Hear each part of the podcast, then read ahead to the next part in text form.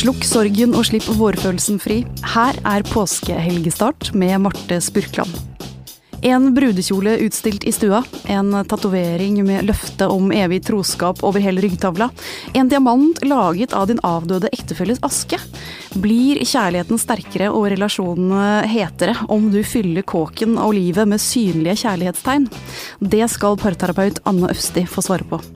Søndag er det påskemorgen og full oppstandelse. Det bør noen folk der ute ta helt bokstavelig. VG-programleder og kjendisekspert Morten Hegseth har snekret en liste over ekskjendiser som bør komme seg ut av dødsskyggens dal snarest.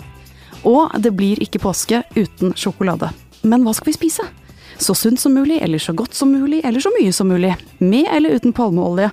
Og hva gjør vi når den globale sjokoladekrisen rammer? Konditor Anne Marie Erlbeck er her for å gi oss et grunnkurs i sjokolade. Men vi skal begynne med den synlige kjærligheten. I eh, VG Helg denne uka her så møter vi Magnar og Silvia. De giftet seg for ett år siden og har brudekjolen utstilt på en prøvedokke i stua, med tiara og sko og slør og det hele. Og de forteller at når de ser på den, så gjenopplever de den gode følelsen fra den store dagen og blir minnet om hvor glade de er i hverandre. Anne Øfsti, du er jo da parterapeut. Tror du at kjærligheten blir sterkere om den gjøres helt konkret og står foran deg på stuegulvet? Jeg tror iallfall at opplevelsen av kjærlighet er sterkere når du, når du ser eh, symbolene så utbredt tydelig. Før hang man jo, og det gjør man kanskje fortsatt, opp brudebildet som et sånn tegn på, på kjærligheten. Men at, eh, men at, man går lenger i symbolbruken og er tydeligere og dristigere, det, det, er jo mer et sånn tegn i vår tid på at vi er nødt til å ha tydelige symboler. Så jeg tror at uh, om den blir sterkere, så tror jeg i hvert fall den oppleves sterkere. Det er jo det de sier. Men uh, Morten, når du, ser, når du, ser, dette bildet av denne brudekjolen, tenker du ja, sånt kunne jeg, noe sånt? Den type installasjon kunne jeg gått for hjemme? For Nei, jeg, vet, jeg, tenker at det her er litt sånn psykotisk, jeg. Sånn, oi, oi, oi. Jeg husker vi lærte på journalisthøgskolen, så var det et annet med det begrepet show don't tell. Og det her er jo kanskje det motsatte av det. At man liksom overlemper huset og leiligheta si med bryllupskjoler og budskap og lilla farger og sånne ting. Jeg får helt panikk og blir helt svett. Og hvis kjæresten min hadde gjort noe sånt, så hadde jeg slått opp med en gang. Jeg hadde ikke, det her hadde jeg ikke akseptert. Jeg det, det, De koser seg sikkert veldig, og det må de få lov til å gjøre, men jeg merker at jeg får helt panikk av at vi er på det her. Så for deg er det ikke turn on, det er turn off? Ah, så turn off. Ja. Men altså, er det en slags sånn flokkdanning i det? Er det, det dette paret, har de et stort ønske om å fortelle verden at dette er oss, her er vi, se hvor sterke vi er som par? Er det en markering overfor resten av verden? Jeg tror det at Jeg tror det at eh, Jeg vet ikke om dette er det første forholdet deres, selv om de har vært gift før, en av de eller to av de, men, men i alle fall så er det typisk at eh, jeg tror at i og med at vi bytter partnere mye oftere, så er vi nødt til å overgå forrige eh, relasjon eller forhold eller ekteskap med et sterkere symbol. Nettopp. Så hvis du hadde brudekjole i stua den forrige gangen du var gift, så må ja. du kline til med noe enda mer vanvittig neste gang. Men altså, det er jo flere måter å uttrykke dette her på. Vi møter også en takstmann i denne saken, mm. som har en svær tatovering over hele ryggtavla som sier 'Bente, my love for you will never end'. Det er mhm. kona. Mm. Eh, Anne Marie, hva, hva syns du om den type uttrykk? Um, ja. Uh, folk er jo veldig glad i å tatovere kroppen sin for tiden. Altså, det blir det, Grensen for å tatovere seg er veldig mye mindre nå.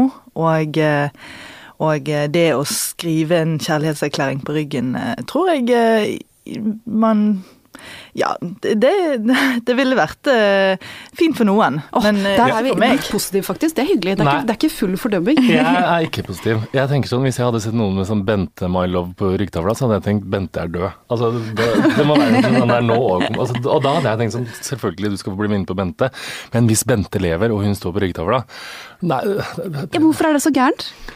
Ah, jeg, jeg syns det blir så manisk. Jeg, jeg tenker sånn der Når jeg er med kjæresten min og vi, de beste stundene når jeg tenker sånn der og man merker jo ikke hele tida at man er forelska, det gjør man ikke. Det er hverdagen. altså Det er de første månedene, og så går det seg til, og så er man ikke forelska. Noen ganger det jeg merker det, er når vi sitter og drikker rødvin, og blir hyggelig, vi prater, vi diskuterer et eller annet, og så kan det oppstå en sånn glimt av sånn 'herregud, så forelska jeg er, er i deg'. Mm. Og det er fint, og det er akkurat da jeg tenker sånn 'å, dette er fint, og dette er bra'. Men hvis jeg skulle liksom gått med sånn varsellamper og tekst og brudekjoler og tatoveringer og sånn hele tida, det, det, det, hadde ikke gått. Anne, har Morten et poeng her? Det, kan det være at de som roper høyest om hvor fint vi har det, kanskje kompensere for et eller annet som ikke egentlig er så fint? Det er jo forståelig å tenke den tanken. Det er, det, det er, lett å tenke den tanken at jo mer du smører ut, og jo mer du må proklamere, så jo mer eh, hva skal jeg si, skjør er den eh, relasjonen. Men jeg, jeg, tror ikke det. Jeg tror det er et tegn i tiden. Vi, vi bruker sosiale medier, vi iscenesetter oss, vi, vi, viser frem kjærligheten og, og, og, på en måte Jeg tror det er et veldig viktig poeng å, å, å si at ja, men dette, sånn har jeg det nå. Men Kanskje jeg er litt fordomsfull. Jeg merker som du sier det på sosiale medier og sånn. Jeg har noen sånne venner og sånn som er veldig flinke til å skrive sånn 'love life' og 'elske livet' og sånne ting. Og da tenker jeg alltid sånn du har det så dårlig, du, tenker jeg. At du må liksom overkompensere. Men kanskje er det de som har det best, og kanskje er det jeg som er fordomsfull. Men rart er det i hvert fall, syns jeg. En annen ting da, som også omtales i den saken, er eh, altså vi møter Toril, som har mistet mannen sin. Og hun har fått laget diamanter av hans aske. Som skal plasseres inn på en ring som hun skal bære med seg til minne om han. Da er vi mer over på en sånn evighetsgreie, som kanskje ikke er så prangende, men at man bærer med seg noen ting. Er det, er det, noe som flere kunne gjort for å ta vare på det som har vært vakkert? Ja, jeg tenker jo det er jo de, de, de, måte, uh, Kjærligheten har jo alltid hatt symboler for ønsket om evighet. Og alltid evig din. Altså ringen er jo der, uh, brudebildet er der. Sånn at uh, hvis det fungerer, så er jo det, må jo det være noe sånn veldig fint. Det som er vanskelig med det, er jo eh, ofte for neste. Altså sånn som den tatoveringen, da. Altså det er ikke så veldig morsomt når du da kommer som Kari etter Bente, eventuelt. Eh, ja, så det, det, er jo det som er selvfølgelig utfordringen. Ja, da må du kjenne en person som kan gjøre en veldig god dekkoperasjon. eh, hvor er vi sånn på vedtak da? Er det føl fri til å ytre deg, vis meg din kjærlighet så ekstremt du bare vil? Eller skal man Nei. vise en viss moderasjon? Vis moderasjon, for guds skyld. Jeg jeg syns at uh, i, i, media Altså, vi, vi er blitt så veldig sånn på internett, vi, har, vi, er på Facebook, vi er på Instagram, og alt er Alt skal være så Du skal vise alt. Du skal vise om du har det bra, eller om du har det dårlig, og spesielt hvis du har fått deg kjæreste og sånn. Og da viser du gjerne på kroppen med tatoveringer og og, eh, og, hvis du har mistet uh, din kjære, så, så, finnes det jo nye måter å, å bære den med seg videre. Så jeg syns det, jeg syns det bra. Kjør på.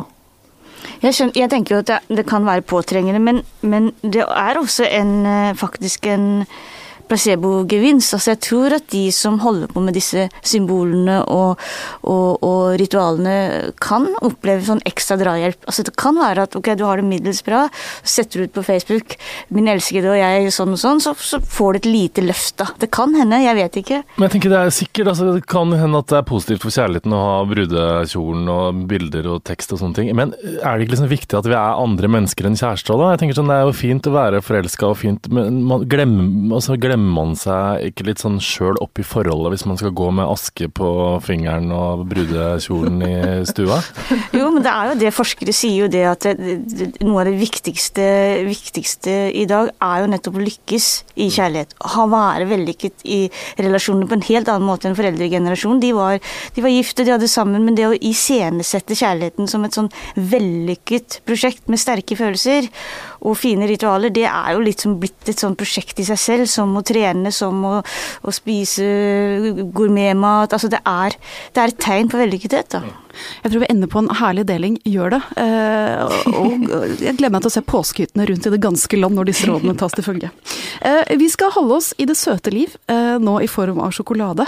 Det blir jo ikke påske uten, og det tror jeg vi alle kan være enige om. Men Anne Marie Erbekk, du er konditor på restaurant Fabel i Fredrikstad og har sjokolade som spesialitet.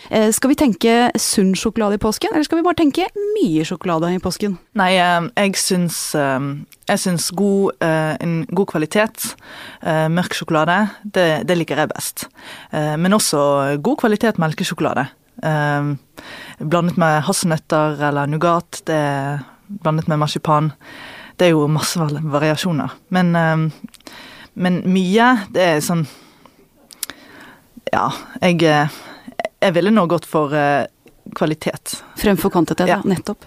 Eh, jeg leste med stor glede om en engelsk forsker som heter David Lewis, som har undersøkt hvor mye nytelse noen biter sjokolade gir deg. Og det han gjorde var at han sjekket de kroppslige reaksjonene til veldig forelska par tidlig i 20-åra. Eh, først etter at de hadde kysset, inderlig og lenge, og så etter at de hadde spist et par biter sjokolade. Og vet dere hva? Eh, det var kyssingen som fikk hjertene deres til å slå fortest, men det var sjokoladen som utløste den største reaksjonen og bevegelse i nytelsessentrene i hjernen. Eh, Kan vi bare kutte ut alle tegn til kjærlighet og bare gi hverandre en bit sjokolade? Gi det her litt sjokolade, de det er brudekjole i stua. Det er et godt forslag, syns jeg. Ja, ja nei, men det var jo, det har jo vært flere undersøkelser, bl.a. fra England nå, hvor de spurte menn om de ville ha sex eller sjokolade først, og det var veldig mange som svarte sjokolade først. Er det en god eller dårlig, dårlig nyhet for kjærligheten, egentlig? Det er eh, nok en eh, ganske sånn dårlig nyhet, fordi at eh, man trenger ikke å anstrenge seg. Man putter en sjokoladebit og på en måte Ja. eh, det er enklere, på en måte. Er det ikke Men bedre med sex først, og så spise masse sjokolade etterpå? det vil jo takk, sikkert være helt topp. Bra, Det Hegseth. Men du Ann Marie, nå i påsken, skal vi innta denne sjokoladen litt sånn i ruter og strimler når vi går på ski? Eller skal vi koke den, eller skal vi gjøre noe helt annet med den for å maksimere nytelsen? Alt. Alt sammen, ja. Ja. Alt sammen. Eh, En, eh, en eh, for hver dag, skulle jeg til å si. Nei, altså, ruter mens man går på ski, det er jo fantastisk. Og varm kakao når du kommer hjem, det, med litt krem, det er jo også veldig godt. Så altså, det er alt hva du har lyst til. Og er du i byen, så kan du lage konfekt med hele familien av din favorittsjokolade. Det er så. Eh, Men altså, det er jo en liten krise på gang også, som jeg ble veldig deprimert av, av å lese om. fordi at forbruket av sjokolade det har gått veldig opp. Bare i Norge så spiser vi dobbelt så mye som vi gjorde for 40 år siden. Vi er oppe i nesten 10 kilo per nordmann per år med sjokolade. Eh, og det stiger like mye i andre land. Og det er ikke nok kakaoplanter der ute til å møte behovet. Altså, kan vi ende opp eh, i en situasjon om noen år hvor sjokolade er et luksusgode som bare noen veldig få har råd til? Eh, Absolutt. Absolutt. Det, det tror jeg eh, med, med den etterspørselen det er av, eh, av kakaobønner og sånn, og når, når vi ikke får dyrket mer, eh, mer eh, kakaotrær, så, så tror jeg at det kan bli en, en veldig sånn luksusvare. ja. Kan det komme så masse falsk sjokolade? At det kan bli et sånt Går det an å lage falsk sjokolade? Ja, ja, ja, absolutt. Det er de store, det er de store sjokoladeprodusentene som, som, eh, som ser at de, de får Altså, det dyrkes ikke nok eh, av kakaobønner. Eh, og, eh, og da vil det absolutt finne lages alternativer. Og det har vi jo allerede, der hvor de erstatter kakaofettet med, med, med vegetabilsk fett. Men blir det like godt det, da? Nei, absolutt ikke. Så vi står overfor en truende katastrofe, rett og slett. Ja. Men hva skal vi gjøre da? Altså, skal, vi, skal vi slutte å spise sjokolade, da? Jeg tror vi skal ta så tenke litt mer på at vi ikke skal spise så mye. Uh, altså at det er igjen denne kvaliteten for kvantitet. At, uh, at man skal heller nyte noen biter eh, med andakt, eh, og eh, enn å, enn å sitte seg ned og spise liksom en halv kilo om gangen. Nei, vi får, eh, vi får følge konditorens råd her. Spis noen eh, gode biter som har så høy kvalitet at det gjør deg lykkelig over lang, lang tid denne påsken. eh, Morten Hegseth, Ja. du har ikke stått opp fra de døde den tredje dag. Nei, jeg har ikke det. Du lever i beste velgående. Eh, men i anledning påsken da, så har du laget en liste over ekskjendiser som burde gjenoppstå. Ja. Eh, og ikke da de som nødvendigvis er døde på ordentlig. Nei, ikke de som nødvendigvis er døde, selv om det hadde jo vært fantastisk å få f.eks. Wenche Foss tilbake. Det, hun savner vi jo. Ja, Ja. med glass chablis, eller hva det var hun alltid drakk. Ja, hun gjorde det. Jeg, også, jeg, jeg begynte egentlig på det, å skrive de, om de som egentlig var døde, men så tenkte jeg sånn, det ble litt stygt mot de andre som var døde, som ikke kommer på den lista og sånne ting, så vi har holdt oss til de som lever, men som forsvant litt ut av rampelyset. Nettopp. En av de du trekker frem, er jo en kjendis fra familiesagaen Syv søstre. Å, Karin som gikk på, Lunden, ja. Jeg ringte hun når jeg var eh, jeg tror jeg var åtte år, så ringte jeg og fant jeg telefonkatalogen og ringte og sa at jeg var fan, så fikk jeg tilsendt postkort der hun skrev 'til Morten fra Karin Lunden'. Oi, oi, oi. Og da var hun sånn fresh sånn treningsdame med Ja, ja. pannebånd og trange tights. Ja, hun var jo hele byens babe, eh, som lå med de slemme mannfolka og kom med sånne der eh, fantastiske one-liners og ble en sånn der eh, diva i Norge på 90-tallet. Eh, hun savner jeg jo. Jeg møtte henne for eh, Jeg lagde en spalte for TV 2 når jeg jobbet der for et par år siden som het for eh, eh, 'Tusen takk for sist', eller noe sånt. Jeg husker ikke helt hva den het. Og da var jeg og intervjua henne i Bergen. Og det, der var det mye godt endt. Altså. Det var skjebnehistorier, det var dramatiske utsagn, det var fremdeles det lange, blonde håret, det var champagne over en lav sko. Tenkte jeg sånn, du har godt av å komme tilbake.